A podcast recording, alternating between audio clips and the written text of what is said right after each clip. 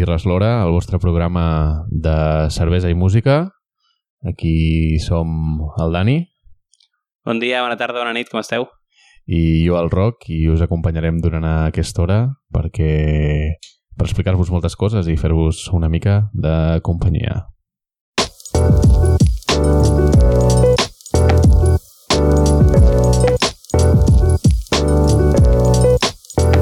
Què bevem avui? Yes, què bevem avui, Dani? Què tenim avui? Doncs avui bevem eh, una cervesa elaborada per un dels convidats que tindrem avui de manera virtual, que és el Pepe de la Font del Diable, Perfecte. i és, a veure si la tinc per aquí, és una cervesa que es diu Tokiski, És una col·laboració, eh? és una col·laboració amb les clandestines de Montferri, molt bé. És una lager, si no m'equivoco, això, Aviam. Mm, No ho tinc clar, eh? No tinc idea. Sí, és una German Pils, una... No, una Bohemian Pils, molt bé. És Bohemian una Pils. lager, una cervesa de baixa fermentació i que, bueno, ara la- l'obrirem i aviam què. Som-hi? Let's get it. Ai, com m'encanta aquest sorollet. Aviam.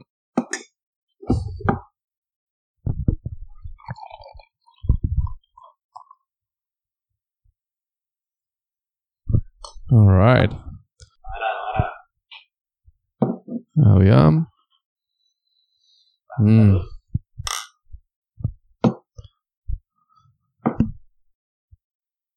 Uau. Està molt bona, eh? Ho dic com si no l'hagués provat abans, però està molt bona. Molt bona, sí, sí. Molt, molt fresca, molt primaveral, no? Oh. Molt lleugera, així, per un dia de sol.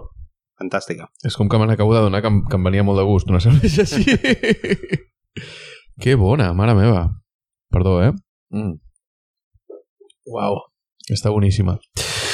Uh, una cosa que, que volíem explicar-vos uh, abans de començar amb tota la mandanga és que, com ja vam explicar en el primer programa, de cada programa fem un mix Sí, de tota la, la música que, que anem parlant, després l'agafem, la compilem i en fem un, un mix, una petita sessió d'uns 30-40 minuts. Exacte.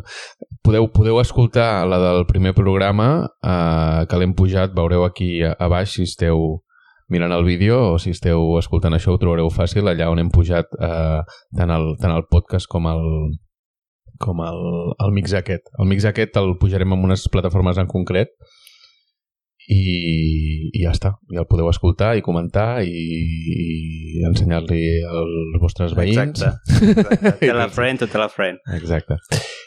I dit això, passarem a tot seguit a escoltar la primera entrevista. La primera entrevista la primera entrevista que, que hem fet avui, com us deia el Dani, és eh, una de les persones que ha fet aquesta cervesa, és el Pepe de la Font del Diable, sí? Que a més a més, el programa passat us vam parlar del Pepe del Cinglot, justament són la mateixa persona. Sí, el Pep és, és la persona que trobareu darrere la barra del cinglot, la persona que... Bueno, jo de les persones que més m'ha ensenyat eh, sobre cervesa i que, que qualsevol dubte que tingueu sobre el món cerveser, ell, ell de ben segur que us el podrà resoldre. Us aviso ja, abans de començar amb la, amb la seva entrevista, que ell sabia que era un programa de cervesa i, i música i li ha agradat molt parlar de música. Una altra cosa que anava a dir, no ho hem dit. Uh, el programa d'avui va sobre la creació i les, entre... Exacte. i les Sí, sí. entrevistes que hem fet avui sempre, com, com vam fer amb el primer programa i intentarem sempre fer el mateix hem entrevistat a una persona del món de la cervesa i una persona del món de la música i avui el tema del programa era la creació. Sí, ens parlaran sobre els seus processos de creació, de com enfoquen ells el, el fet de, de crear, doncs per una banda cervesa, per l'altra música, Exacte. i, i creiem que, que a més eh, pot quedar una cosa superinteressant. Bueno, esperem que us agradi. Passem a, a l'entrevista. Hey, yo.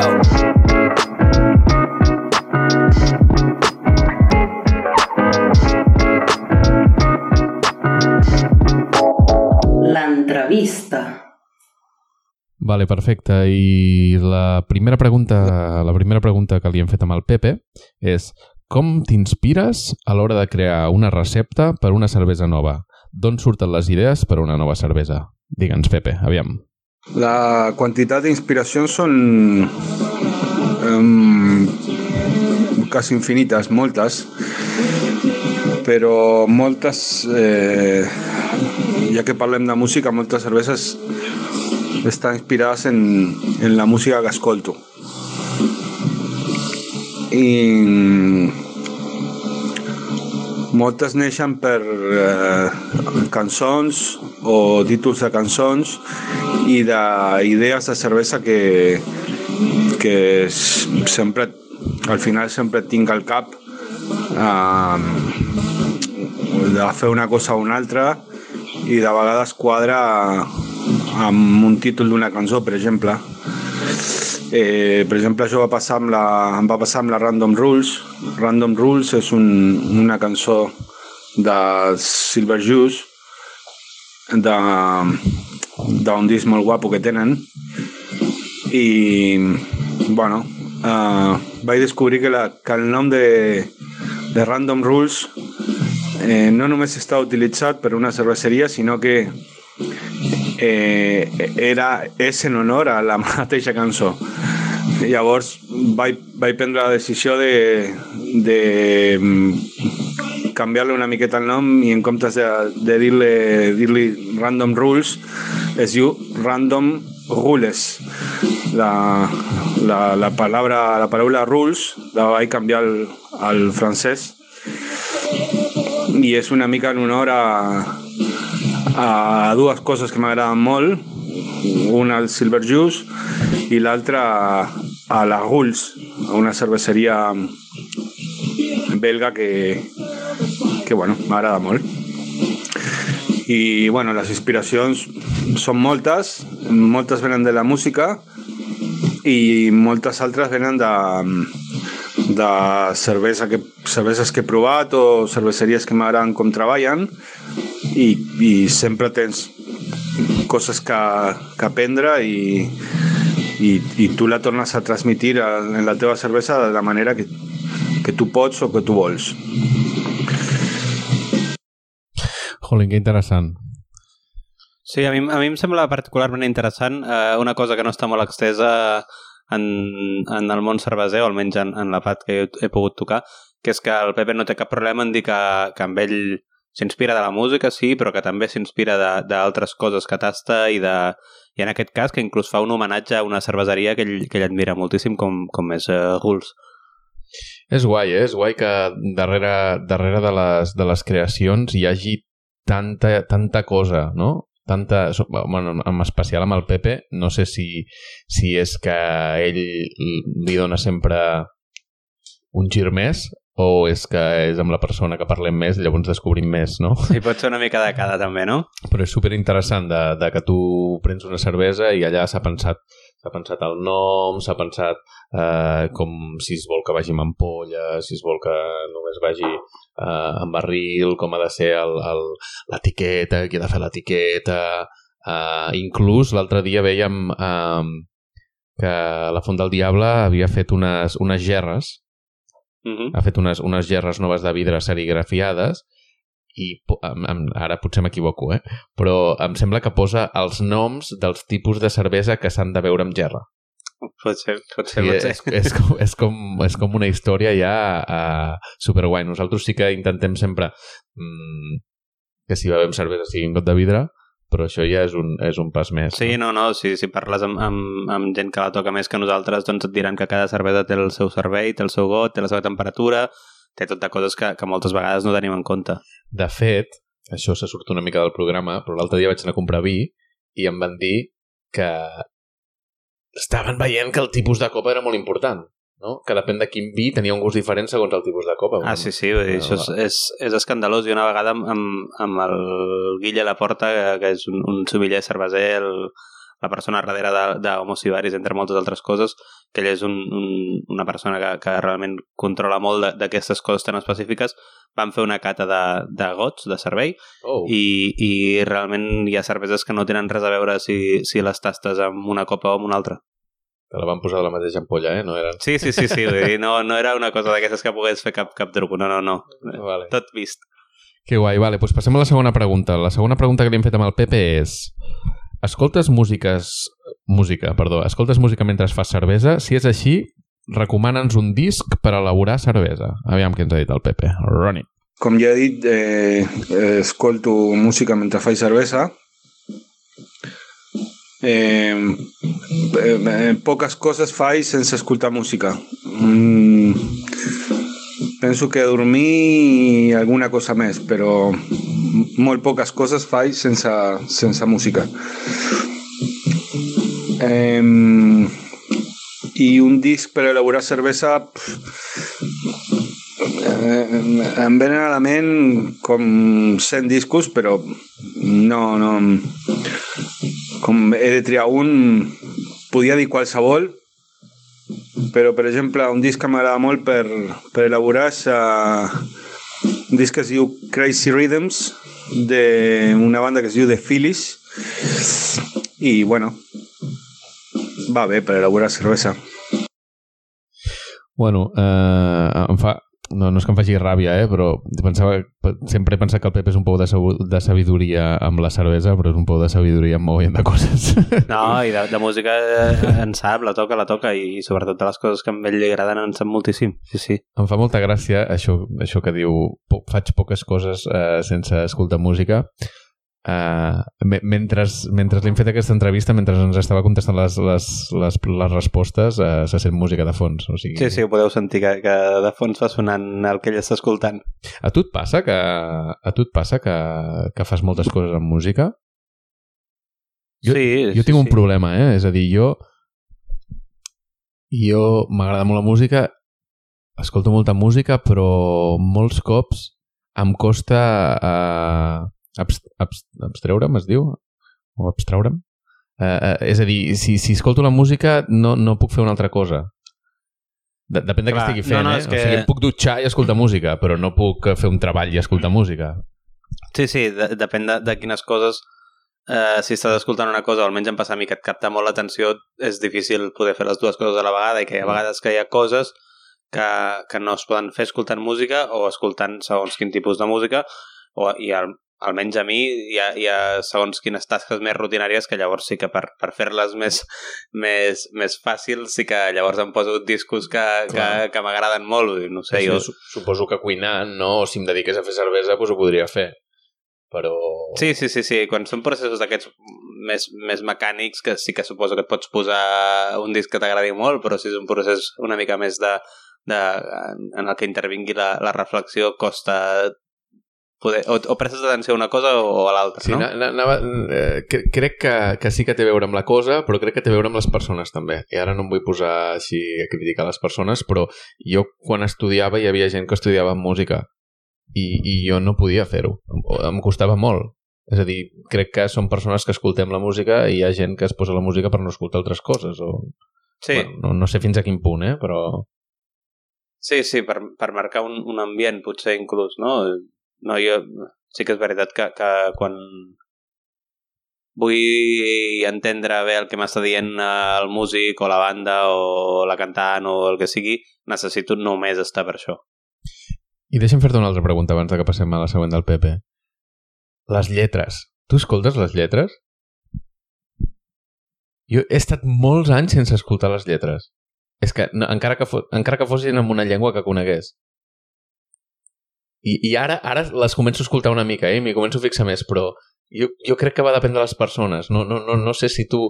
No sé, em passa, em passa amb, can, amb cançons de rap, no? Que la gent em diu, oh, és que m'agrada aquesta cançó que diu això. I dic, ni me n'he donat de lo que deia. Depèn, jo crec que depèn de, de l'artista, però sí sóc de les persones que escolta les lletres. Però depèn de, de la música que estigui escoltant, eh? A vegades simplement una cosa sona bé i et sona bé mm, musicalment i potser és, perquè és en una llengua, em passa, eh? En, en Mhm. llengües que no entenc, que a vegades és què collons m'està dient, però m'està agradant molt. Vull dir, potser Ja. m'està insultant, potser m'està dient que sóc un mamón, però, però no m'està agradant, m'està agradant molt com queda. Per cert, ara que dius això, he estat escoltant aquesta banda o aquest grup que ens vas eh, explicar al programa passat, aquests bascos, parlant de coses Ah, que no Chill Collective, Chill Collective. que no s'entenen. M'ha flipat, o sigui, no els coneixia, m'ha molat molt com sonen. No, jo penso que és un, un com es diu en castellà, un sople d'aire fresco que, que va Mm. bé, va bé que surti gent amb propostes així. Està guai, està molt guai. Vale, passem a la tercera pregunta. La tercera pregunta que li hem fet amb el Pepe és uh, quina cervesa has tastat últimament que t'hagi sorprès positivament? Últimament he tastat eh, una cervesa que m'ha sorprès um, molt ha sigut uh, la, una, una chocolate porter de, de Oakham Ales perquè el nom em va confondre una mica. I a més una cervesa que porta lactosa llavors jo, jo em pensava que seria una cervesa amb, amb molt de cos i, i cap al dolç i quasi un postre. I resulta que no que era una cervesa de les que a mi m'agrada una cervesa eh, seca i opulada i molt anglesa. I em va sorprendre per, per això, perquè jo pensava que, que era una altra cosa i al final no. I una cervesa molt bona. No, jo, jo reia, els que ho esteu veient en vídeo, eh, ja ho haureu vist, pels que esteu escoltant l'àudio només no ho heu vist, però eh, jo reia i el Roc em mirava. Estaves assentint amb el cap. I deia que sí, eh, no, perquè just és la, la cervesa que vam tastar, ah. la segona cervesa que vam tastar l'últim programa. I... Anem avançats, Pepe, anem avançats. no, no, i està bé, no, no estava parlat, eh? i a més jo, jo fa dies que no parlo amb el Pepe, però, però ho vam dir aquí, que, que és una cervesa que ens va agradar moltíssim. Ah, que guai, ara que... estic molt content que hagi passat no, això. seca i que jo que quan la vam tastar vam dir, ostres, és cacau pur, no vam dir és xocolata, encara que porti lactosa, és cacau pur, és, és seca, és, eh, va molt bé amb les maltes que porta, va molt bé amb els xúpols, el caràcter aquest de, del cacau, però no és un, un, una xocolata amb xurros com són a vegades aquest tipus de cerveses amb lactosa. Hòstia, que guai. Que guai. A mi també em va agradar molt, eh? No, no li hagués donat tanta explicació, però, però que guai que hagi passat això. És, és, sembla, sembla preparat. Ja us ho vam dir, ja us ho vam dir que l'havíeu de tastar. vale, per, bueno, parlant, només dir-ho, eh? Vols, vols explicar un moment que no sé, la gent que ens està escoltant o si ens està escoltant algú, uh, vols explicar què, què és una porter? Sí? Sí, m'enganxes així, ara... bueno, si no, si no ho explico jo, eh? No, explica, explica. una porter és de les cerveses que són torrades. Sí? Ah. Sí? Una sí no? porter... Tenim la porter i tenim l'estout. L'estout sí. és més torrefactada i la porter menys. Sí, però l'origen de la porter ah, el, diu, no el diu el seu nom. L'origen de la porter ah, vale, és vale. que és la cervesa de port. És de cervesa que, que les tavernes, els ports, veus servien com, als mariners veus i, com t'havia de preguntar. i ho feien barrejant eh, stouts amb, amb, amb altres tipus d'ales, doncs com pale ales i això. Llavors una cervesa que, que, que a diferència d'una stout té una, una base amb, amb, amb, amb més varietat de maltes, perquè al cap i a la fi l'origen és, un, és un blending, és una mescla, perdó, i, i que té un caràcter uh, més lleuger que un stout normalment i, i amb més presència de llúpol que, que un stout. Jo, és perquè ens conegueu una mica, que veieu, a mi m'agraden molt les porters, vale? ja t'ho explico.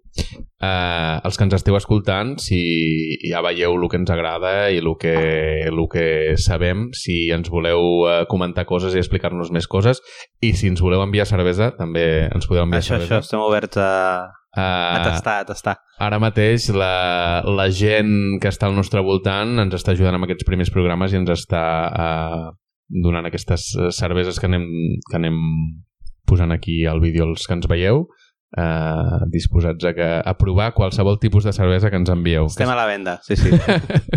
si, si està bona, millor, però bueno, no, no tenim moltes manies. Uh, vale, passem a la següent pregunta que li hem fet amb el Pepe. La quarta pregunta que li hem fet és què has escoltat últimament, Pepe? Aviam què ens diu el Pepe. Escolto moltes coses.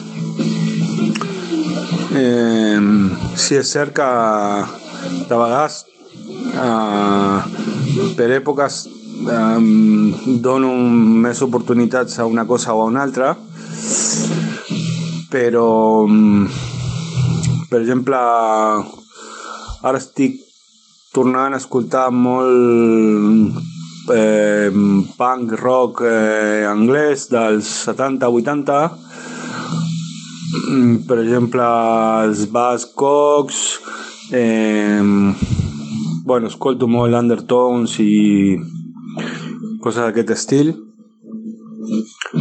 Però, per exemple, també ara estic escoltant molt eh, la Sonora Dinamita i... Mm, bueno, algun disc, algun disc més que tenia oblidat. Però, bueno, mm, escolto molts estils, no, no estic molt tancat amb, amb aquest tema. Si t'he de dir alguna cosa, ara mateix, eh, la Sonora Dinamita.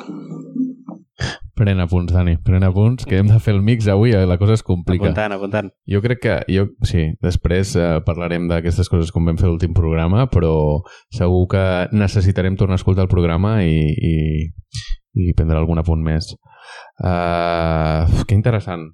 Jo m'agrada perquè quan, quan la gent em recomana coses de música m'agrada quan em diuen algú que he escoltat uh, una mica, però m'agrada més quan em diuen algú que no, que no he escoltat i, i, que, i que sé que normalment a mi, a, mi, a mi em passa amb el Dani, per exemple, amb el tema de les sèries, no? Mm, eh, T'agraden molt les sèries i quan em recomanes alguna ja, ja saps i jo sé que m'agradarà. No? Sí, és, és una mica de responsabilitat, no? Quan tu et demanen, et demanen que recomanis a, a una persona una cosa, si tu coneixes a la persona, li diràs, eh, doncs escolta això o mira això, no li diràs que, que s'escolti o es miri una cosa que, que no li interessarà en absolut. Però sé, per la mateixa regla de 3, que el Pepe ens haurà recomanat algú que, que, que ens agradarà. Jo estic seguríssim. Sí, sí, sí, i tant.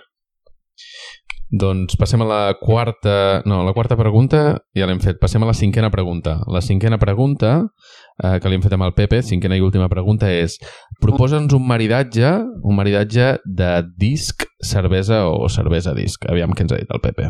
Un maridatge disc, cervesa. Eh,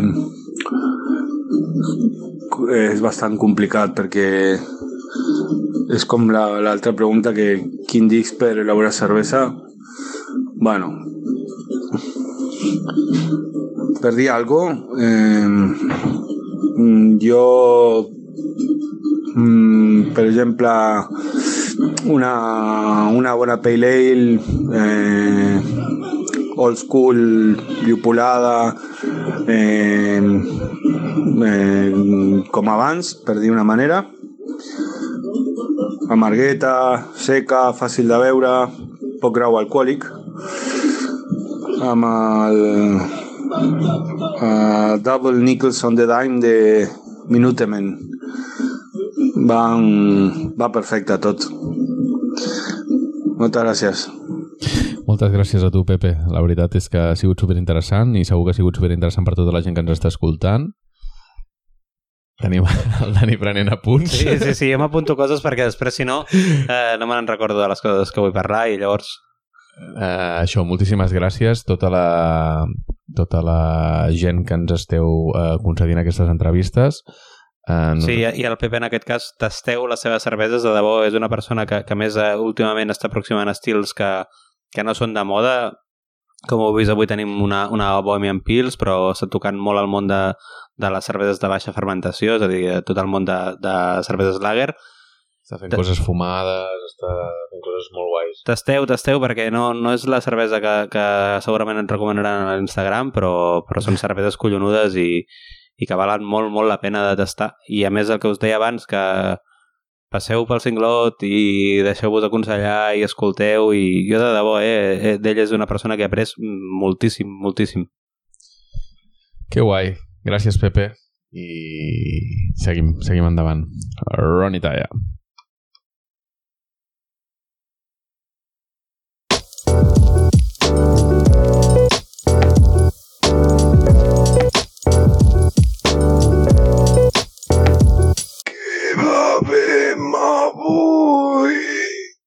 Yes, alright. Aquest és el nostre amic Pere. Gràcies, Pere. Sí, pobre Pere. Uh, veig que m'has avançat, no? Vale. Sí, sí, sí, jo, com que ja estava i és que això passava com si res, eh? La Tokiski passava com si res. Ja, jo m'estava aguantant. ah, es guardava la set. Vale, uh, el que farem ara serà obrir una altra cervesa, no? Uh, Com sí, recordem sí, sí. Aquesta, aquest programa es diu du- dues birres l'hora per alguna cosa, tot i que a vegades ens hem de... crec que ens haurem de contenir. Uh, ja hem mirat de portar una ampolla més gran avui per la segona cervesa. Uh, el Pepe ens parlava d'una Porter, sí, el, uh, el, el Dani ens ha, explicat que és la que vam provar l'altre dia. Avui en portem una altra. És una cervesa que, que hem trobat al Cinglot, que ens ha recomanat el Pepe. Aviam. Una cervesa una mica especial, no? Sí. Si, si voleu que us digui la veritat, eh, l'explicació del Pepe va ser el primer cop que la vaig provar no em va agradar gaire, el segon em va flipar. Per tant, no sé, ara ho veurem nosaltres. Veurem, si veurem, no, veurem. A veure, si, Com es si diu no- això? Això es diu Back to Black de de Rank, que és una gent eh, de Flandes, si no m'equivoco. Cervesa potent, eh, 9 graus i mig d'alcohol. I res, l'obrirem i veurem què. Sí, és una cervesa que està... Bueno, m'ho he llegit abans, el que posava, i, i, i el Pepe em va explicar el mateix. Té els seus tocs àcids, està preparada com si fos una cervesa àcida, i després està... Eh, L'han posat en, en barrica de fusta durant 9 mesos. Sorollet. O sigui que, bueno, interessant. Fa olor alcohol, sí? Ah, fa, fa moltes olors, vull dir, ara, ara, ara te la costa del nas.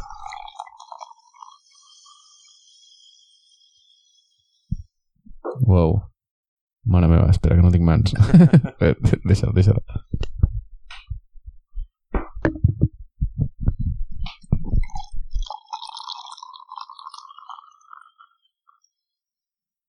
Que guai.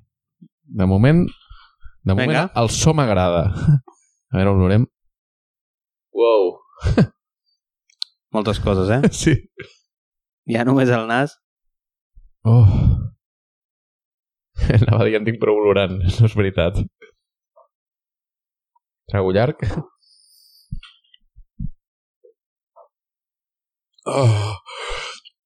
Pues a mi m'agrada molt la primera. Hosti, és mo molt interessant, eh? Moltíssimes coses. El, el caràcter eh, aquest de, de cervesa envellida en barrica, però a la vegada té una lleugeresa àcida que... té, té, té, però no, no és de les àcides així potents que... No, no vull dir que molesten, eh? però que no és agressiu. No, no, no, clar, no, no té una presència d'acètic massa forta ni, ni... Uf, està molt bona, eh? No, no, té un... I de cap de les maneres eh, que us espanti el fet que té 9 graus i mig d'alcohol No, no, perquè no. no es nota en absolut. No. Um, se m'acaba d'acudir si algú ens vol enviar formatges també eh, Ah, sí, sí, sí. perquè jo ara aquí Sí, sí. ja començaria a maridar eh? Estem, estem disposats a estudiar una, un, obrir una secció de, de cata de formatges també, eh? sense problema. Uau, que bo mm.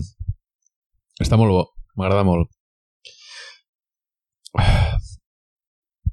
doncs parlem una mica de el que hem escoltat aquesta setmana et sembla, et sembla bé? Sí, anem, anem cap allà.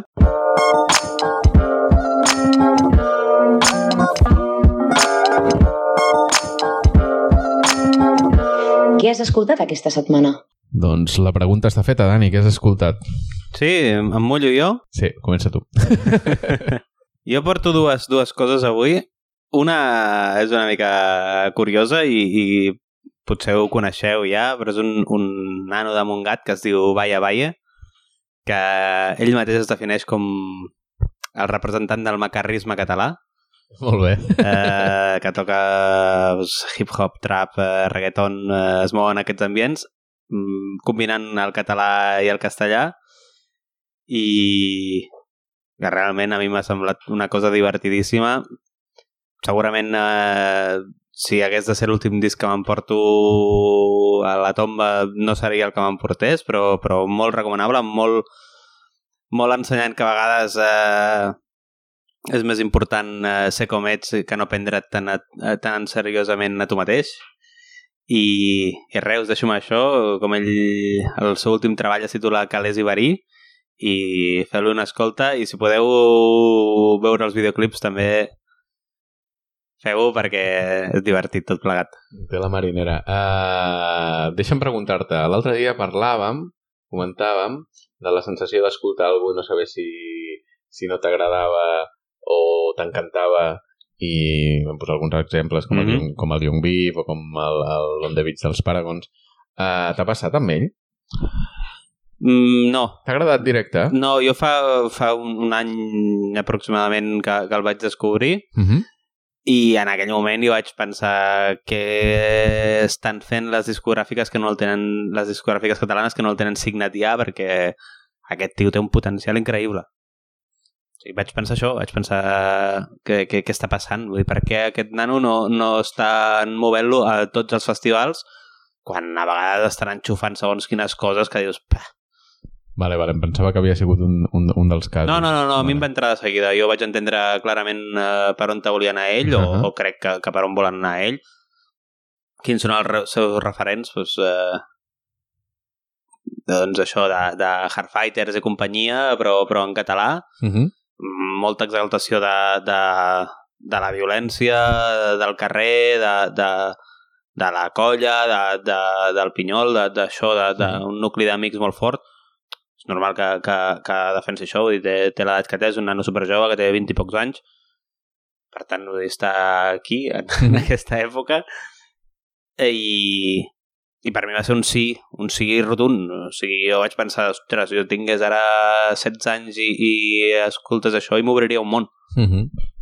Que interessant. Jo, jo tinc... Jo tinc... Mm, sembla que, que ho haguem guionitzat tot eh, així, l'entrevista, totes les coses. Uh, jo he escoltat rap aquesta setmana també. Aquesta setmana he escoltat uh, el nou treball dels Estranyo Ways. Uh, la veritat és que no he tingut temps d'estudiar-lo. L'he escoltat un, una vegada de, de principi final. Uh, bueno, em sembla interessant. Els Estranyo Ways és, un, és, un, és una formació catalana uh, que són uh, el, el Rodrigo, són uh, el Pachi Basili i el Gordo del Puro i després fa les bases el Víctor Pizza i és una gent que va totalment uh, contra marea uh, quan fan el que els agrada, quan volen i poden i em sembla interessant. És un treball que hi ha bastants temes, uh, per mi n'hi ha que són més papinos que d'altres, però em sembla interessant, també, també posarem alguna cosa al mix. Què ho han fet això amb, amb Say It Loud Records, això? Ho han fet amb Say It Loud Records, uh, l'han planxat en vinil, han fet dues edicions, una edició rasa i una edició especial amb, amb unes il·lustracions, bueno, que és la que m'he comprat, vaja. encara encara, uh, encara no, no, no, no el tenim físicament, però ja vam fer el pre-order i, bueno, uh, això sí, totes aquestes coses, Say It Loud, uh, per qui no ho sàpiga, no? és, un, és una iniciativa de Barcelona uh, que és un festival de música negra Uh -huh. i que a més a més mm, promouen i, i promulguen eh, tot, tot, moltes coses locals Sí. de, en aquest àmbit. Sí, des de I- fa un parell, un parell de tres anys que tenen el segell. El segell no... No, no, no, no, no. Fa més. Sí? Sí, fa més. Aquest, el, la primera referència va ser el primer Strange Ways i fa... fa bastants anys. No sé si set anys o així, eh? O sigui, fa, bastant, fa bastants anys. Um, I, bueno, és, és, és, és interessant uh, si estan deixant el temps i els diners i, i paraules més grosses. Llavors, eh, està bé que, que, que, que si nosaltres podem donar veu a que existeix això i que val molt la pena com, com cerveses que estem provant aquí, doncs, doncs que la gent ho sàpiga i que qui estigui eh, interessat en escoltar-ho i en, i en, i en buscar-ho, doncs que, el, que els hi dongui suport, no? Eh, ja sigui bueno, tenen, tenen tot, tot tipus de coses per donar suports perquè ells després puguin fer el festival i, port, i puguin portar uh, a gent uh, Sí, sí, que a més que és un festival que val, val molt la pena, eh? Sempre té... exacte Sempre té... té artistes que, bueno, té, té un Però a banda dels artistes té, en un- té, si un, és... té un caràcter molt artístic, no? És a dir, té, té, té un, un nivell artístic molt, anava a dir molt alt o molt que, que, que, és, que és, no, no, no, no portaran una cosa perquè porti a gent. No, no, no, dir, No sé. ells suposo que han de mirar de quadrar els números, però, Mm. que, però que arrisquen i, i a més que és això que aposten per, per fer el festival en, en diversos espais, eh, moltes vegades fent, fent coses també de manera gratuïta o amb entrades eh, simbòliques, després sí que hi ha, hi ha concerts amb entrades que, que ja piquen una mica més, però, però que el global de la proposta a nivell artístic musical és super, super interessant. Mm. Uh, faig un petit parèntesis. Acabo de fer un glob, està boníssima aquesta cervesa. Està molt bona. Està... Uh, parlant de- d'aquest tipus d'artistes que, que porta el Say It Loud, em sembla que l'últim any, aquest últim any no s'ha fet el... Per cert, jo tinc l'entrada comprada, però no, no, no es va fer. Ara me n'acabo de recordar. Um, van portar l'últim any, crec que va ser l'últim any que van portar la, la Little Sims. Uh, Mhm. de- L'últim any o dels últims anys van portar la Little Sims. I jo volia recomanar-vos uh, uns artistes, no els, he, no els he escoltat exclusivament aquesta última setmana, però ja que tinc la plataforma del podcast per dir-ho, vull recomanar-vos una corrent que està bé, eh, que eh, està, està com sorgint uns artistes de rap a Anglaterra que a mi em flipen. Vale? És, és un tema molt underground, que això ho podem parlar un altre dia, perquè eh, l'underground bueno, l'underground malo, lo que no és underground no és bueno, mm, és un altre debat. Ah, que però jo crec que aquesta pantalla... Vull dir, ja, ja, Bueno, però està bé. passat una mica, no? Nosaltres sí, però està bé que ho parlem i que la Ah, sí, gent sí, que, que ens pugui escoltar sàpiga la nostra opinió. Uh, en tot cas, Jo crec que el, que el problema que, digues. que la gent que, que escoltava coses una mica més alternatives a aquesta pantalla, per dir-ho així, ja, ja se l'ha passat bastant, que els qui no se l'han passat és els que estan a l'altra banda.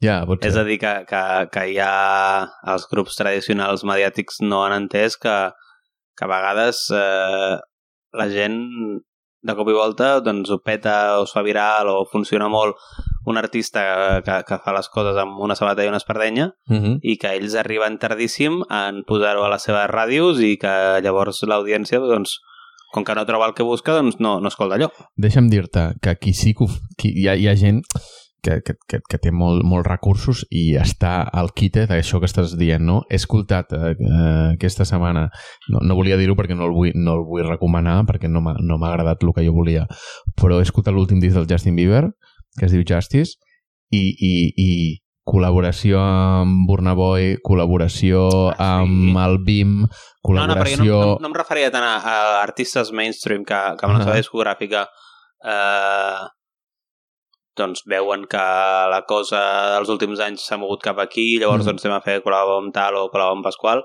sinó em referia més a, a, a ràdios o premsa o, o discogràfiques. o discogràfiques inclús, de, que, de que a vegades, eh, i sobretot els últims anys, perden el tren de coses Sí. i llavors hi ha gent que, que acaba funcionant molt i li acaba sortint el negoci eh, passant de llarg a, a el que abans era un peatge obligatori, de que abans doncs, per, per eh, vendre discos havies de, de passar per el departament comercial d'una ràdio que feia que et posés el teu tema no sé quantes vegades d'això, i ara els està passant al contrari. Em va, em va perfectíssim que em diguis això, perquè el, el, el que et volia explicar ara d'aquests artistes de rap underground és precisament això. És penya que s'ho estan fent tot ells, vale? Uh, és penya que els dia... És a dir, eh, el, el primer que us vull presentar es diu Barney, vale? Si el busqueu a les xarxes es diu Barney the Artist. És un paio que s'ho fa tot ell, sí? que s'ho promociona tot ell, que està ell sol davant del mòbil, el que sigui, fa unes produccions i, i, i, i, i rapeja molt guai. Barney the Artist, el recomano 100%. Segon que recomano, Lex Amor. Lex Amor és una noia, també, de, de North London, que rapeja que flipes, un estil que m'agrada molt a mi, així una miqueta, ja que m'agrada la Porter, és un, és un estil fosquet, sí? no, amb poca llum. Jo a l'Àlex Amor va treure el primer disc, va tenir la pasta per, per fer el vinil, i quan li vaig comprar el vinil, em sortia que li havia fet un PayPal a, a, a la persona del seu nom, era la seva compte privada, és a dir... Sí, clar, és, és el que té el do-it-yourself, que, que, que a la fi, doncs, Em, em fa molta gràcia perquè amb, amb l'Àlex Amor la vaig descobrir l'any passat, li vaig escriure per l'Instagram i em va contestar. És a dir, és gent que, que, que està començant. Sí que... no, i que està pilotant el seu negoci ells Ah, mateixos, exacte, i que, exacte. que a vegades veiem doncs, que tenen no sé quants seguidors o no sé quants plays o no sé què, però, però que l'equip és super reduït i que, que els hi toca tocar tots els instruments. Sí, sí, sí. I l'última que us volia uh, presentar és una noia que es diu Eni, E-N-N-Y.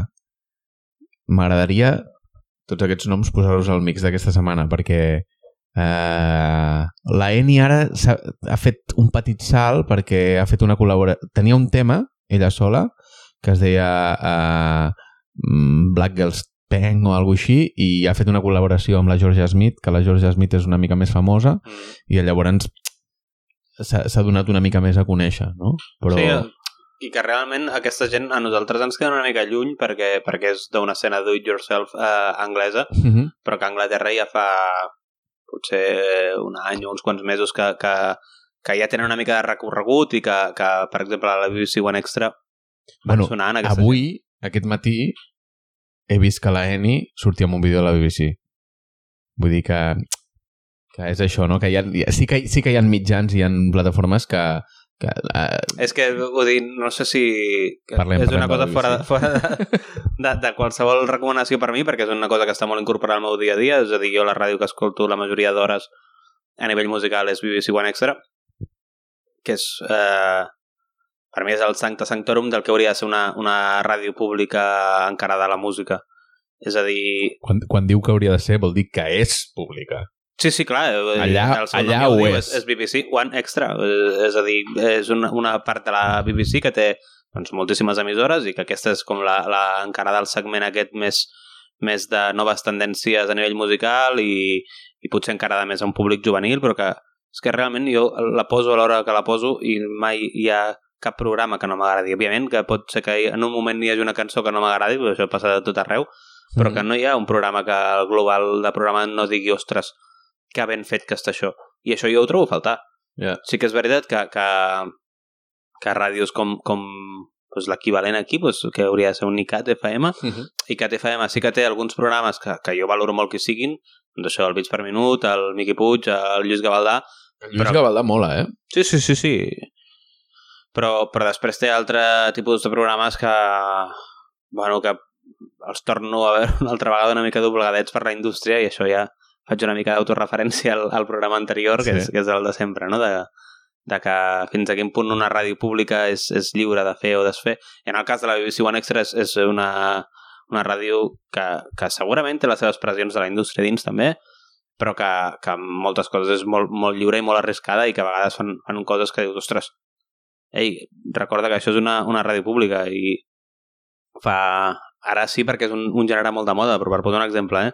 fa 6-7 anys que, que tenen un programa d'Afrobeats A on? A la BBC One Extra. El del, Ah, el del, deies iCat no, no, no, no, dic el de la BBC One Extra, dic, Ah. perquè t'imaginis, eh, en perspectiva, Mhm. que em, em dius que, que fa dos anys que el tenen, doncs ho entenc, perquè és un gènere que, que ha tingut un boom i que, que per la configuració de l'audiència de BBC One Extra és obvi que hauria, havien Mm. d'apostar cap aquí, però fa 6 o 7 anys crec que fa acabar el programa del, del DJ Edu.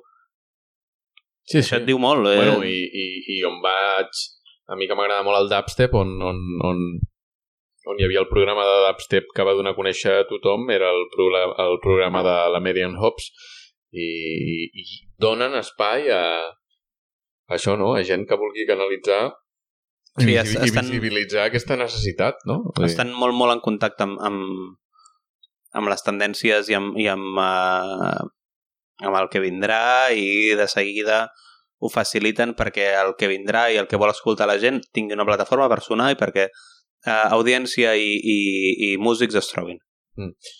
Tam També és veritat que que, bueno, que potser els temps estan canviant una mica, la gent està començant a, a fer podcast, no? I, això va passar una mica... Uh, bueno, no sé, no sé si va passar amb la tele o va passar eh, que, que la gent cada cop més eh, té a les seves mans poder fer altres coses. Per això nosaltres també Ah, estem sí, fent sí, això, sí, eh? sí, sí, totalment. Eh, nosaltres tenim la possibilitat de fer un podcast i no necessitem que ens fitxi uh, ICAT-FM.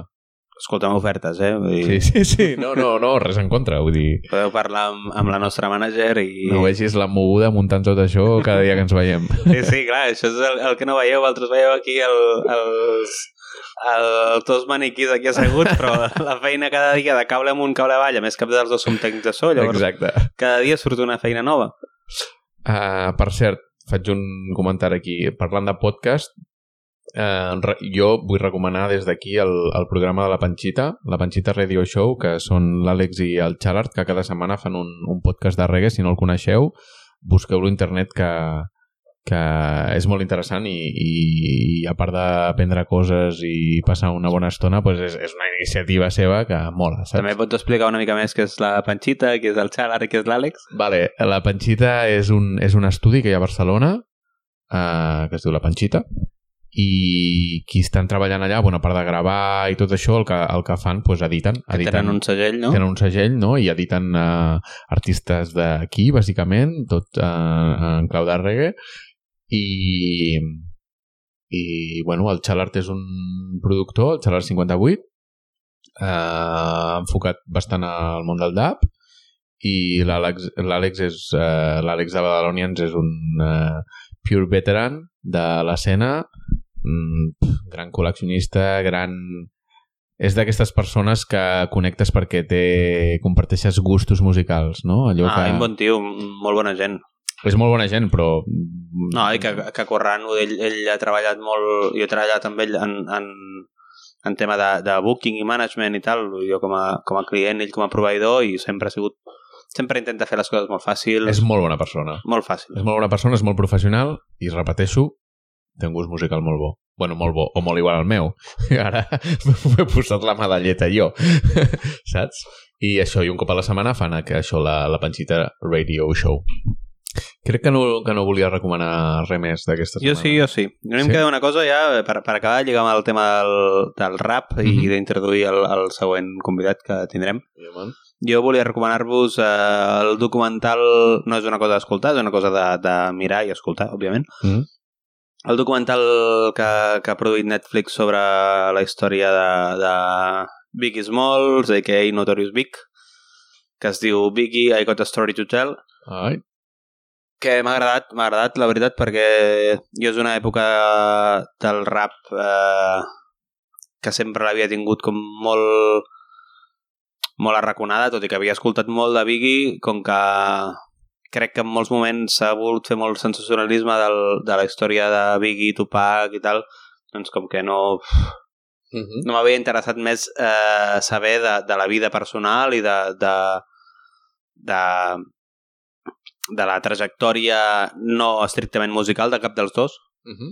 i que, ostres, que estava molt ben fet i que es veu molt, molt de footage, molt d'arxiu de- d'ell en èpoques que, que segurament no l'hem vist mai i que realment el paio era un- una màquina. I us el vull recomanar en detriment de l'altra història que hi ha a Netflix que ja us dic ara que no la veieu, Uh -huh. que és la, una sèrie de ficció que, que, que ni, és que de fet ara se m'ha anat el nom del cap però bueno, que bàsicament eh, és una sèrie de ficció policíaca sobre els assassinats de, de Tupac i Unsolved, ara m'ha vingut Unsolved es diu el, uh -huh. la sèrie sobre els assassinats de Tupac i Biggie és el tedi, és, és horrible és tots els clitxers de, de com no ha de ser una, una, Una sèrie. una sèrie doncs els té allà i a més fent això, això que, que jo us deia abans que m'ha fet sempre posar distància amb, amb la trajectòria personal de, de Tupac i Biggie caient amb tots els tòpics, amb tots els clitxers és, és groga, terrible jo, de fet, jo l'acabaré perquè em costa molt no acabar una cosa Uh -huh. però, però us, si heu de mirar alguna cosa i us mola el rap i voleu, i us mola Notorious Big, eh, quedeu-vos molt, molt abans amb el documental que no amb la ficció aquesta, perquè no... Prenc nota. Escolta'm, et sembla que abans de passar l'entrevista eh, ompli els gots o què? Eh, Fot-li, sí, clar. Ai. No, no et diré que no un got ple.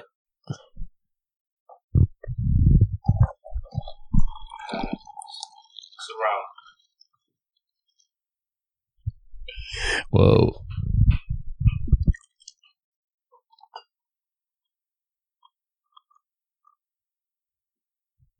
Que guai, estem trobant, crec que estem trobant una mica la mida, eh? L'altre dia eren dos cerveses petites, avui una petita i una gran. Bueno, si continuem així, haurem de canviar el nom del programa. vale, doncs si et sembla bé, passem a la segona entrevista d'avui. Ens Sí, vols... es- vols presentar primer el convidat o... Sí, sí, sí, sí, anava a dir això. Uh, el convidat que tenim avui en... parlant de la creació i com que sempre fem el del món de la cervesa i el del món de la música, tot i que de, després acabem parlant de tot, eh, tot barrejat, eh, la persona que tenim avui eh, musical, la persona musical, és el Rata EAP, és un, eh, un raper. Raper, MC, Raper, MC, escriptor. Eh, cantant. eh, gran persona i gran amic, també, eh, d'aquí de la comarca. I... I membre de EAP Crew, EAP the Whiteys, després té, té la seva part de carrera en solitari, que té dos, dos, dos EPs editats. Sí, el Dos. PD Rates i El el. Exacte. I després, doncs, un disc amb, Amb el- Rat and the Whiteys i un que està venint. I amb EAP Crew, quan estaven més d'això, doncs, tota la feina que van fer, la primera maqueta, després la segona maqueta... Tornem a donar-li les gràcies amb el Chess, que Sí, és el exacte. Que, el, que, el Chess és el, és el DJ de, de EAP Crew I productor. i productor i, i és el que ens ha fet les, les sintonies. Uh, Les sintonies que no els separadors. les sintonies que no els separadors, els separadors, quan sentiu aquestes veus dels nostres amics, mm, Pere i companyia, uh, en les cançons aquestes ens les ha fet uh, el Xevi, que el seu nom artístic és Ghost D, uh, i gràcies a la seva discogràfica propaganda pel fet, doncs ens les ha cedit perquè puguem fer aquests separadors. I sense més dilació, passem El separador. al separador de la segona entrevista.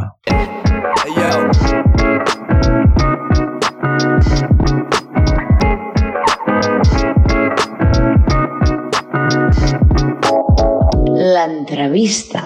All right, l'entrevista. Doncs l'entrevista que li hem fet amb el... eh, diré el rata per no dir rata EAP tota l'estona. Sí, el L'entrevista- Rata o el Xavi. el Xavi. L'entrevista que li hem fet amb el Xavi. Primera pregunta.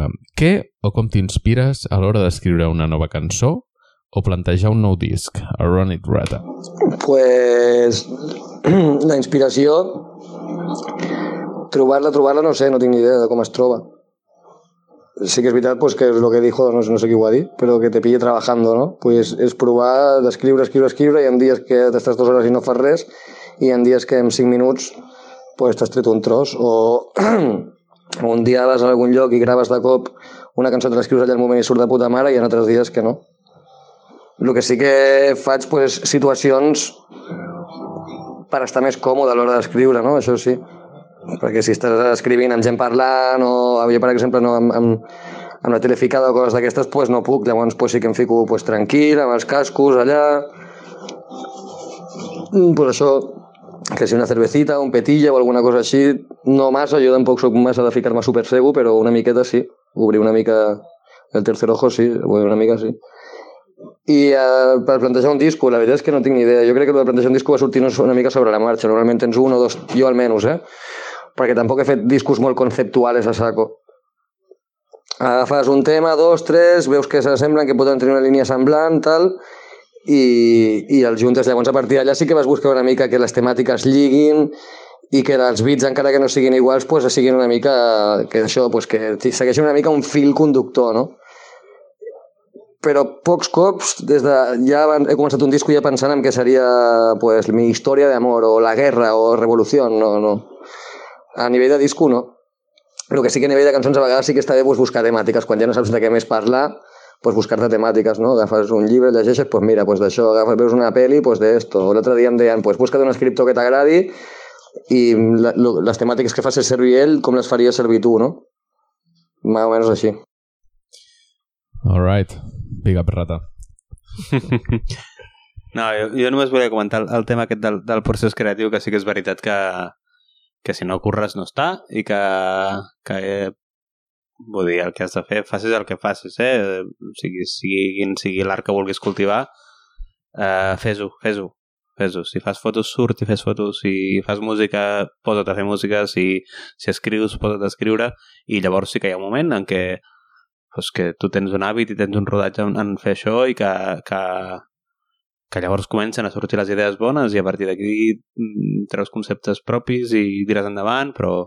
És interessant el que dius, eh? És no, no estar parat esperant a que vingui la inspiració. No, no, però és que la inspiració no és res, eh? O sigui, la inspiració no és aquí uh, un, un fantasma que entra per la porta i et posseeix i buah! No, no, això és mentida, això ens ho ha venut al cinema comercial i, Disney. i allà estem esperant. No, no, la inspiració no és això.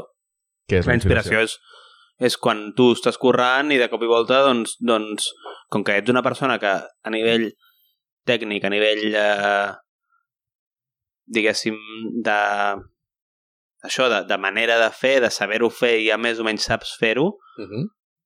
mm, quan tu ho estàs fent és com en bicicleta, doncs de cop i volta te'n venint coses al cap perquè ja domines prou una tècnica com per, per, per poder començar i posar coses teves. Al principi, quan tu comences a cultivar un, un art nou, almenys el que a mi m'ha passat, eh, a nivell, doncs això, d'audiovisual, de fotografia o de, del que sigui, és que sense voler-ho copies. Bueno, però això està bé, no? I està bé, i Mhm. està bé, i està bé, i ho has de fer, i ho has de fer, i com més fas, més te n'adonaràs del que, que fa tres dies no en tenies ni idea. Ja. I com més fas i més saps, i més veus que fan els altres, més te n'adonaràs que no en tens ni idea avui. Però llavors poses en perspectiva el que feies fa dos anys i dius, vale, Bueno, i soc una també- mica més que en sé. I també veus d'allò que copies eh, què és el que t'agrada més, què és el que t'agrada menys, que, que amb què et sents més còmode, amb què et sents més... Que, que forma més la, la teva persona artística, no? Sí, sí, sí, sí clar. No, no pots cultivar un, un, un estil propi sense, sense haver provat. Estic d'acord. Ara, ara que dius això, deixa'm dir una cosa que estava pensant avui i que la volia comentar al programa i ara m'ha vingut. Uh, el tema de... Uh, és a dir, les persones que, que escriuen lletres, no? Es nota molt quan, quan han llegit molt, Totalment. no? Totalment. I a més, amb, amb el cas del, del Xavi, que, que bueno, no crec que s'enfadi perquè ho digui, però que és una persona que és molt referencial, que, que sempre fa referències a llibres, còmics, pel·lícules, Sí, llavors es nota que, que, que ell té aquest bagatge cultural i, a més a més, que ell ha de seguir mantenint aquest bagatge actiu, Mm. és, és a dir, ha de seguir consumint totes aquestes coses perquè si no se li acaben una mica els referents. Però, sí, sí, i, i, i i jo ho dic, ho deia en el sentit negatiu de que he escoltat eh, o, o escolt, escoltes artistes no? que dius, hòstia, és que no m'has no, m'està dient dos paraules tota l'estona que vol que rimin, Mm. però no, no fa, falta, falta contingut, no?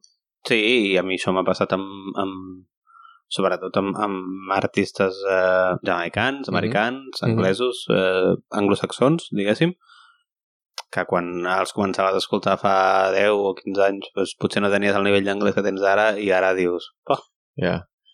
Ho dic jo que no llegeixo gaire, eh? però volia fer la, el, el símil amb el tema de la música, no? Una persona que, que, que punxa o que posa música o una persona que crea música es nota molt quan a, quan a, jo volia fer he estat escoltant avui, avui escoltava aquest dels Stranger Ways i amb les produccions de, del Víctor Pizza es nota que ha escoltat molta música no? Veus quan algú vol fer bases i, Totalment. i, i no té mm -hmm. bueno, té menys referències, no vull dir que, que, que en tingui poques, en té menys, no? I quan una persona ha, ha consumit molta música, aquestes persones que sempre la veiem al Matlip, al Fortet, eh, és, gent consumidora de- d'escoltar, de, escoltar molta música i molta música totalment. diferent. Mm -hmm.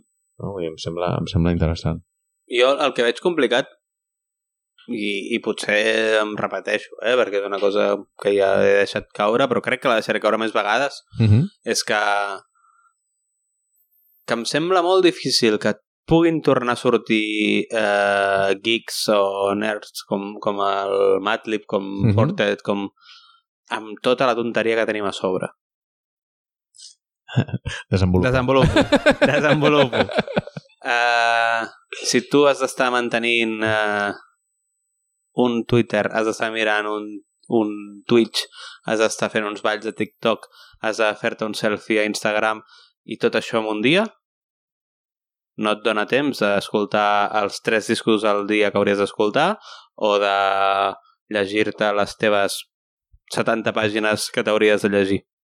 Bueno, jo ara poso la veu del Robin i et dic que acabem de guanyar seguidors.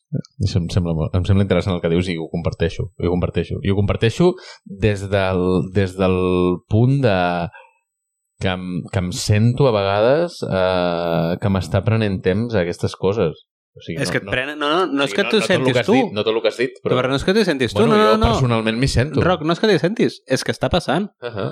Vull dir, està passant. Eh, el temps que tu li estàs dedicant a mirar la pantalleta del mòbil És temps que no... és temps que no estàs no dedicant-li amb, amb una altra cosa que és la vida real. Exacte. I a mi em sembla fantàstic doncs, que tu t'asseguis al sofà o, o t'estiris al llit a l'hora abans d'anar a dormir i et miris la tele com faries, doncs, més igual que sigui Netflix que, que sigui Telecinco, mm. -hmm. això m'és igual perquè és una cosa que és aquest moment de descans que si tu doncs, necessites et va per desconnectar em sembla molt bé, Uh -huh. però el problema és en aquests moments que et penses que no ho fas i ho fas. En aquests moments, durant el teu dia a dia, que aquests 4 minuts, Uh -huh. aquests 6 minuts, aquests no sé quants minuts que cada dia li estàs dedicant a un dispositiu com és el telèfon mòbil, Sí.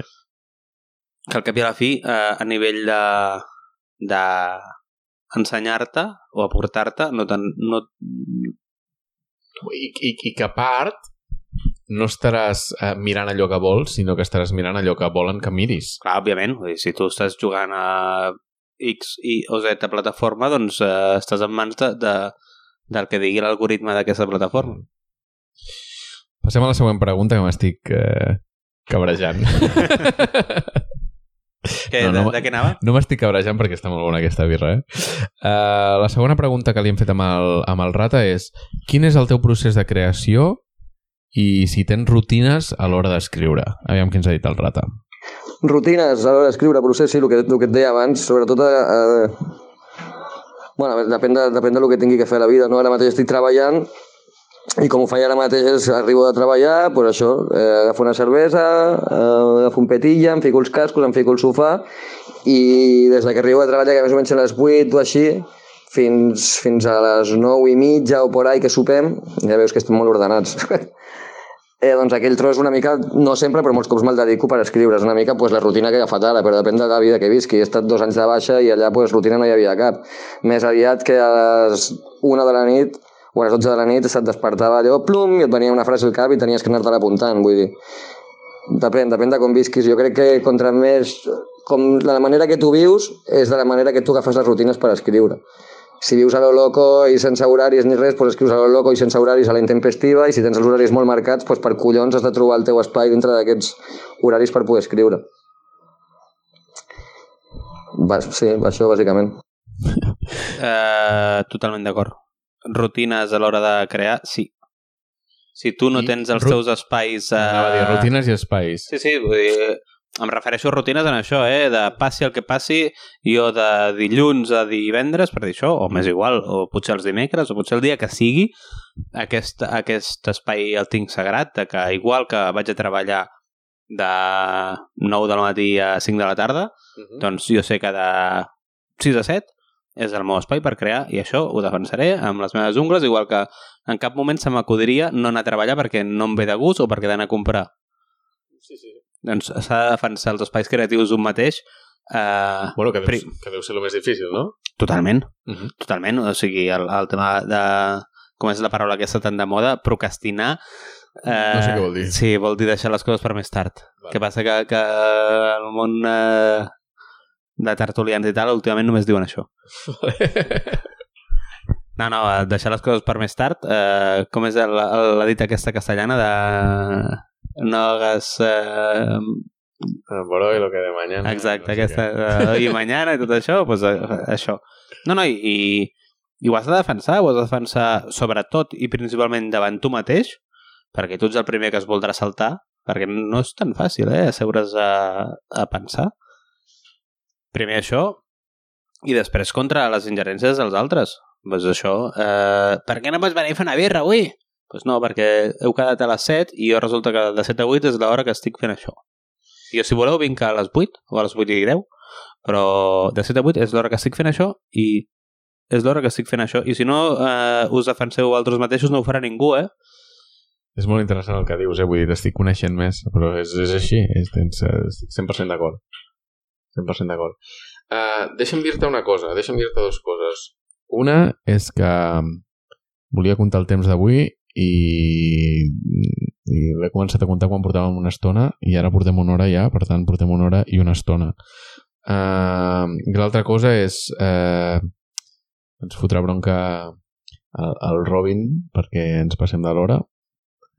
Tranquil·lament. I volia fer el símil perquè jo crec que ho creu ja així, si et sembla bé. A partir d'ara parlarem del Robin i ningú sabrà, sabrà qui és. vale? Llavors és com, el Robin és com si fos el Juanjo Cardenal de Saber i Ganar, que ningú sap qui és, però està allà i sortirà cada programa. És una proposta. Em sembla perfecte, i tant. Un Doncs- dia, un dia l'entrevistarem. un dia Quan- Quan li l'entrevistarem. la cervesa, l'entrevistarem.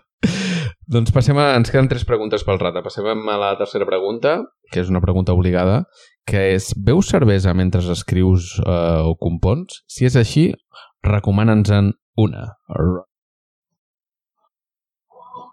Sí, sí que bec cervesa mentre escric. El que passa és que intento no beure'n massa, perquè una cervesa va bé.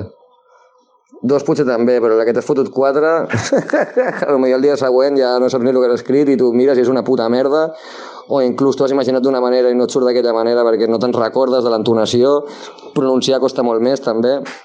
I et dic, una mica, una o dos sí. I alguna cervesa mm, que et recomani? Més que una cervesa, jo et diré el que, bueno, el que estic dient. Que estic bevent, pues, si són IPAs, per exemple, Session, sobretot. I estic bevent més lager i pils, sobretot per escriure, perquè no vull que em, em, se m'encapoti el cervell molt fàcil, saps? Però bueno, m'ho puc veure qualsevol. L'únic és el que et dic, pues, crec que birres més tranquil·les.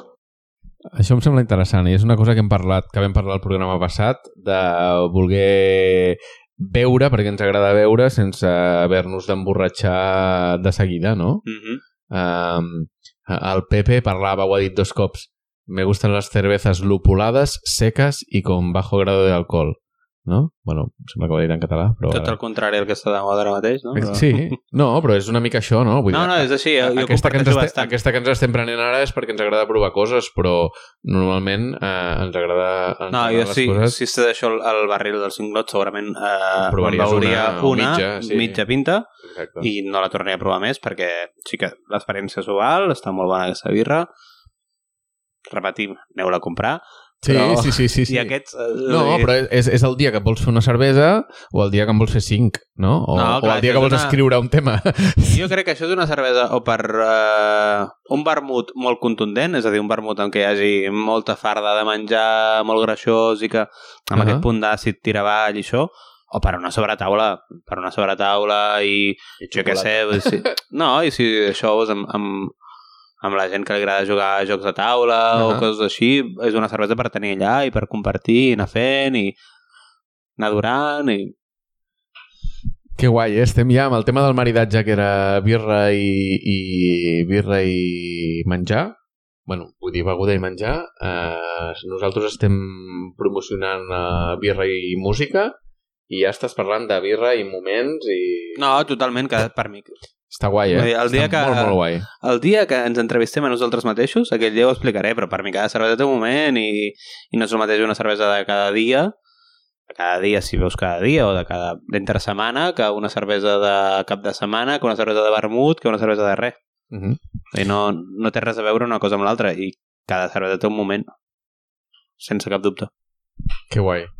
Hòstia, està guai, eh? I el primer dia deia, hòstia, no ens en sortirem en omplir una hora. I ara eh, podem estar... Espera't que arribem al 5, que llavors ja... No, llavors ho farem eh, per Twitch i farem eh, emissions de 5 hores. Després del que has dit abans no, no, no quedaria molt bé. Bueno, eh, jo tinc la meva opinió sobre el món de, de les xarxes socials i d'internet, Uh -huh. però també sé que en formo part. Sí, sí. Llavors, és com... Eh, no m'agrada com actuen els bancs, però sé que per la meva manera en què vull viure he de passar pels bancs. Uh -huh. Una mica és això. Jo, si vull que aquest, post, aquest podcast l'escolti algú, doncs sé que, que doncs, he de regalar la meva imatge segons quines empreses, etc etc. Petits sacrificis, sacrificis quotidians. Ho explicarem en el següent programa que es dirà 5 birres les 3 hores. vale, passem a la quarta pregunta que li hem fet amb el Rata. Amb el Rata, la quarta pregunta que li hem fet és què has escoltat últimament? Il·lustra'ns i digue'ns coses que puguem escoltar. pues, últimament estic escoltant bastant el que em fica la meva parella, ara un, altre cop discos, perquè ara ens hem vingut a viure junts i hem, hem... Bueno, la meva parella ha heredat eh, un, un tocadiscos i, i bueno, pues estem tornant a agafar vinilos i això. Llavors, pues, pues, això, discos de soul, de rap, bastant dels 90 i així, alguna modernada d'aquestes també. Tinc el de Thundercat, eh, coses així. No escolto molt, molt, molt, molt música per internet ni tendències... Bueno, el que vaig pillant a la botiga d'aquí de Vilanova del Matxinda i, i alguna coseta més. Així a nivell de hip-hop d'aquí, m'agrada el, un tio que no havia sentit mai, el Hoque, que està molt guai, m'ha bastant. A l'Israel B, no sé, però ja et dic, no, no sóc molt d'escoltar el que passa ara, saps? Pues, pues vaig allà al Machinda i veig discos que no tinc o que crec que hauria de tenir o coses que no he escoltat mai, me'ls agafo i potser pues, estic pues, un mes o així eh, escoltant aquests discos. Bueno, des d'aquí eh, salutació al Machinda també, a l'Hèctor. Sí, L'Hèctor, exacte. Eh, big up Héctor, big up... Eh... Gran valor que, que va tenir en el seu moment amb el Jordi Sí. i ara ell de, de portar un projecte tan arriscat com, Com una botiga com, de discos. com una botiga de discos bar a Vilanova només amb vinils. Sí, sí, sí. Expli Expliquem-ho, això. Explica, explica. Mm. No, el, el Machinda és una, una, Una botiga. botiga de discs que té una mica de zona de bar a Vilanova, a la plaça de les Cols, que va obrir fa, què, sis anys? Avui estic molt No, malament no, amb les dates, eh? No tant, no tant. Sí, No, no. cinc anys? Sí, home, sí, pensa que han tingut no sé quants locals i allà aquella mateixa plaça. Potser 4 anys, no sé. 4 5 anys segur. Bueno, potser sí. Potser sí. Sí, home, sí. Home, potser em passa el temps molt... Jo crec que 4 anys els fa. Potser sí. Pot- No, eh, va, va ser quan jo, quan jo vivia fora i fa... que van obrir la botiga i era 2017. Doncs pues mira, 4 Fa anys. Fa 4, sí. Tu ni jo, 4 anys, va. Doncs Ah, això, una botiga, obrir una botiga de discos en, en un moment eh, en què sí que la venda de vinil està pujant a tot el món, però no ens enganyem. Eh, jo sóc comprador de vinils, el rock encara més, i la majoria de discos que comprem són per internet. Sí. I llavors, eh, tornar a, a instaurar les rutines dintre del consumidor de discos d'anar a comprar a la botiga del barri Mhm. és molt complicat i, i allà estan. Allà està l'Héctor eh, Lluitant batallando i... Joder, endavant. Big up Héctor a, a Every Time. I... Un dia, un dia el portarem a l'Héctor. Sí.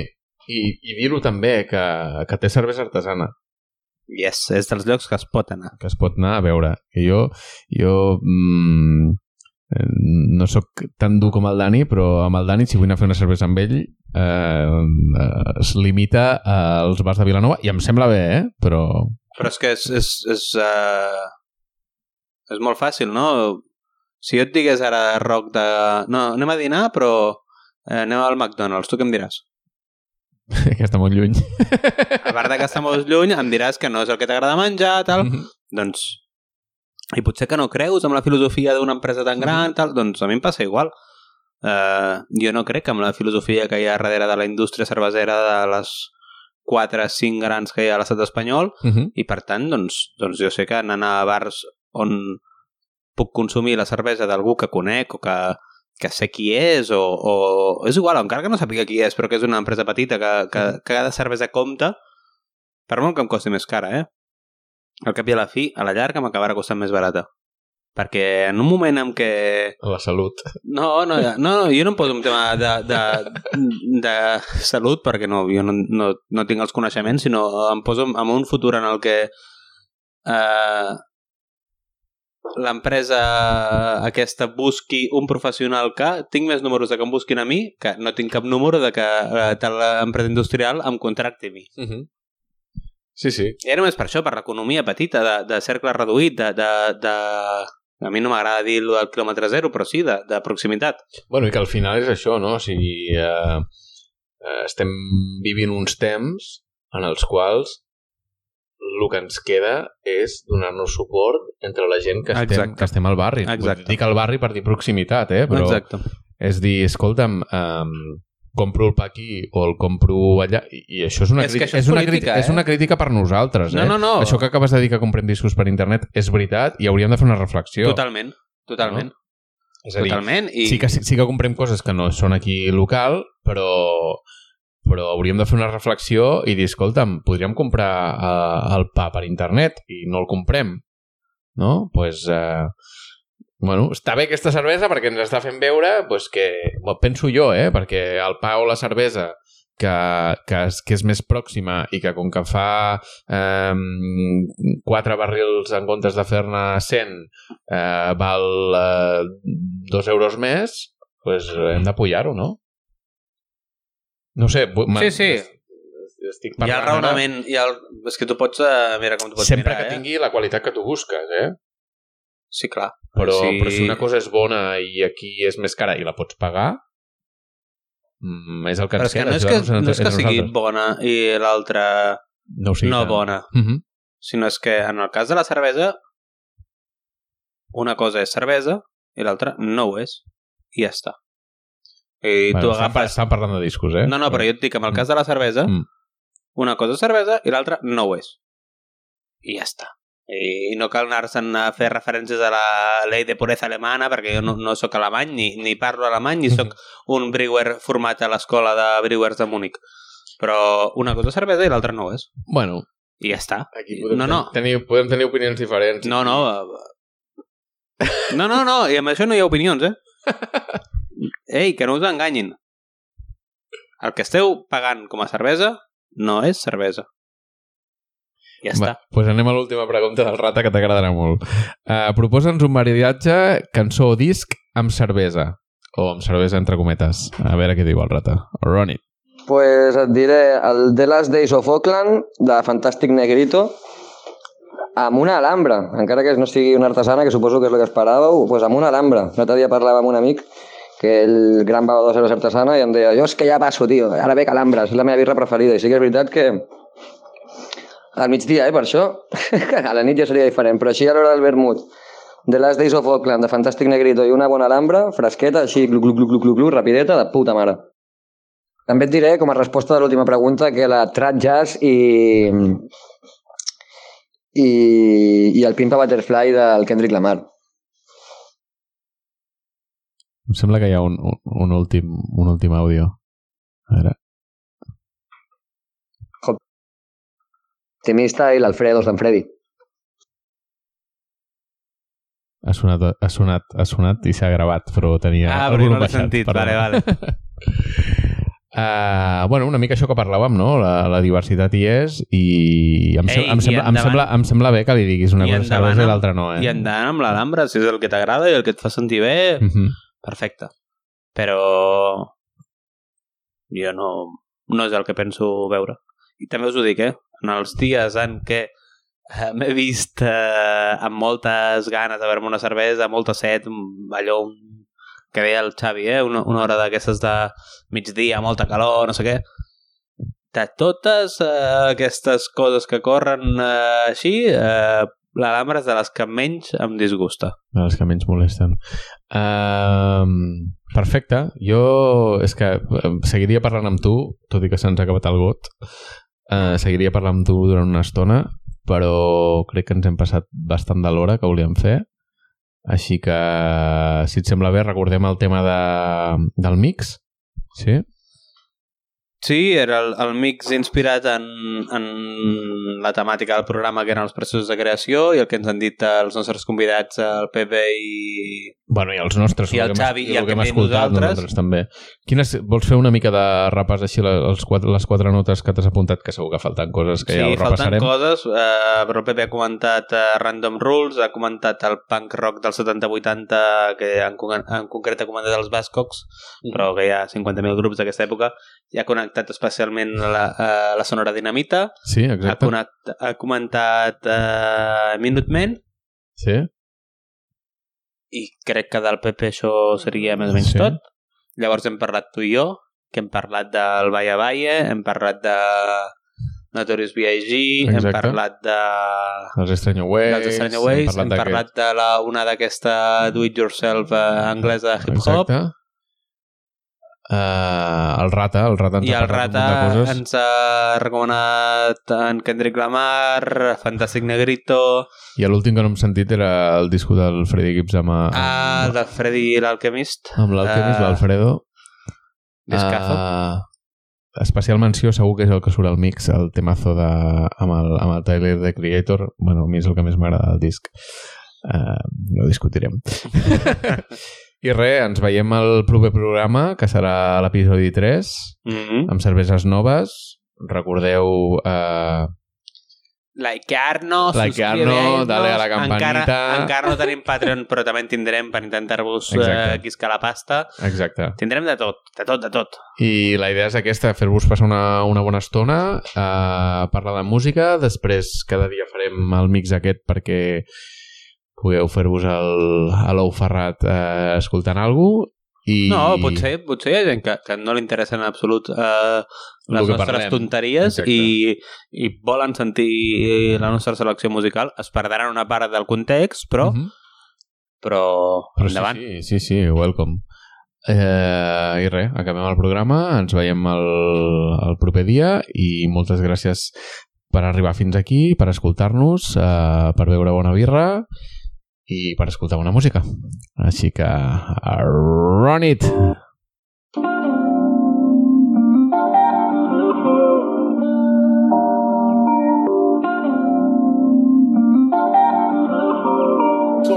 Baby, baby.